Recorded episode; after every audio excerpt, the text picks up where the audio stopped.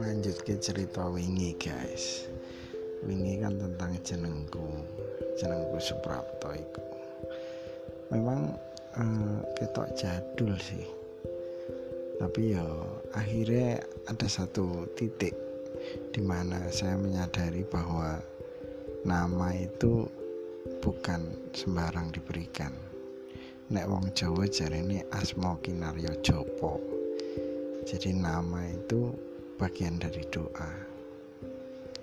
Dan saat itu saya tahu arti nama saya bahwa Suprapto itu sunya itu baik dan Prapto itu datang.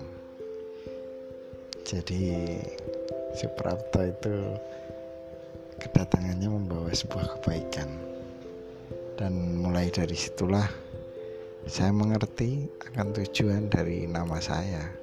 Bukan karena jadulnya tapi dari filosofinya.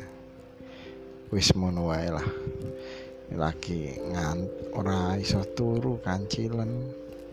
Itu mungkin ada nama-nama yang pengen dibahas eh, bisa nanti dibahas di radioku iki.